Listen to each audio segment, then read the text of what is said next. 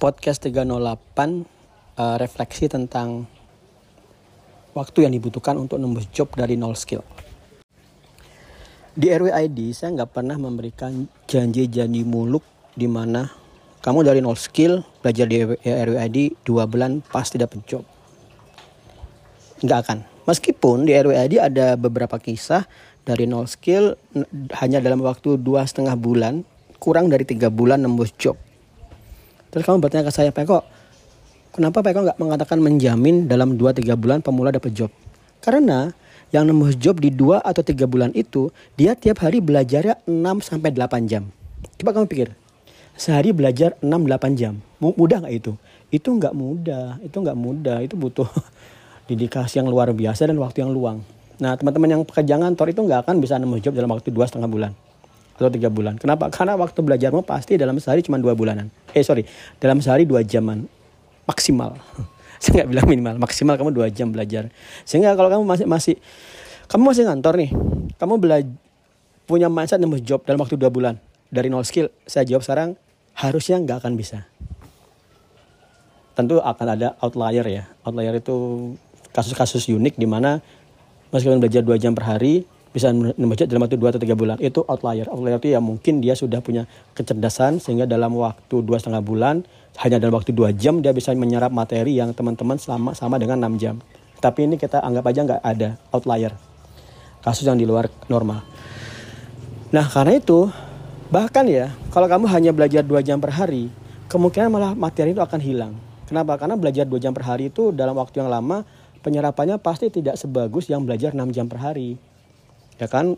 Gini sama seperti motor itu ya. Motor itu kalau digas awal pagi-pagi kan berat tuh. Ya kamu belajar dua jam dua jam ngegas awal-awal itu pasti berat. Beda dengan kamu yang uh, belajar langsung sehari 6 jam. Wah itu yang penyerapannya bagus. Sama seperti motor sekali digas awalnya memang berat tapi kemudian dipakai ngegas sampai 6 jam ke depan ya itu dia nggak akan mati tuh. Tapi kalau kamu ngegasnya uh, jam besok digas lagi ya pagi-pagi kamu harus nyetar lagi ya kan Nah, uh, sehingga ini harus kamu jadikan mindset. Jangan pernah berpikir, wah ya kok di RWAD ada teman-teman yang nemu job dalam dua jam. Saya nggak pernah malah mengatakan kamu akan nemu job dalam dua jam, dalam dua bulan. Enggak. Yang saya katakan adalah kamu nemu, nemu job dalam hitungan 400 jam belajar total waktu belajar plus hunting job. 400 jam. Itu dalam hitung-hitungan saya 3 atau 4 jam per hari sampai 5 bulan. Oke, itu hitungannya. Nah, kemudian kan berpikir, aduh Pak kok lama sekali ya uh, belajar dua jam, enam jam dalam baru dalam 10 bulan. Saya berikan kamu refleksi. Bany kamu paham nggak? Ada banyak orang-orang yang kuliah 4 tahun.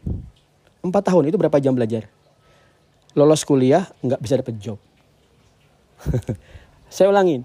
Banyak kejadian mahasiswa satu S2 S3, S1 S2 S3 enggak ya. Satu apa S2 belajar bertahun-tahun, empat tahun atau lebih Begitu lulus kuliah mau ngelamar job nggak dapat dapat. Kemudian kamu bandingkan di RWID dengan perhitungan saya tadi belajar 10 bulan dapat job. Maka saya katakan 10 bulan dapat job itu waktu yang singkat atau cepat dibandingkan lulusan kuliah 4 tahun atau 6 tahun yang belajar bertahun-tahun apply job nggak dapat job. Harus belajar dari nol. Itu refleksinya. Jadi jangan mengatakan 10 jam nambah job dari nol skill itu lama sekali. Tidak. Kamu harus ingat teman-teman kuliah bertahun-tahun belajar nggak dapet job. 10 bulan dapet job wah harusnya tuh ekstra luar biasa kan? Benar-benar nggak nggak pakai ijazah belajar 10 bulan dapet job. Wah itu kan amazing. Oke begitu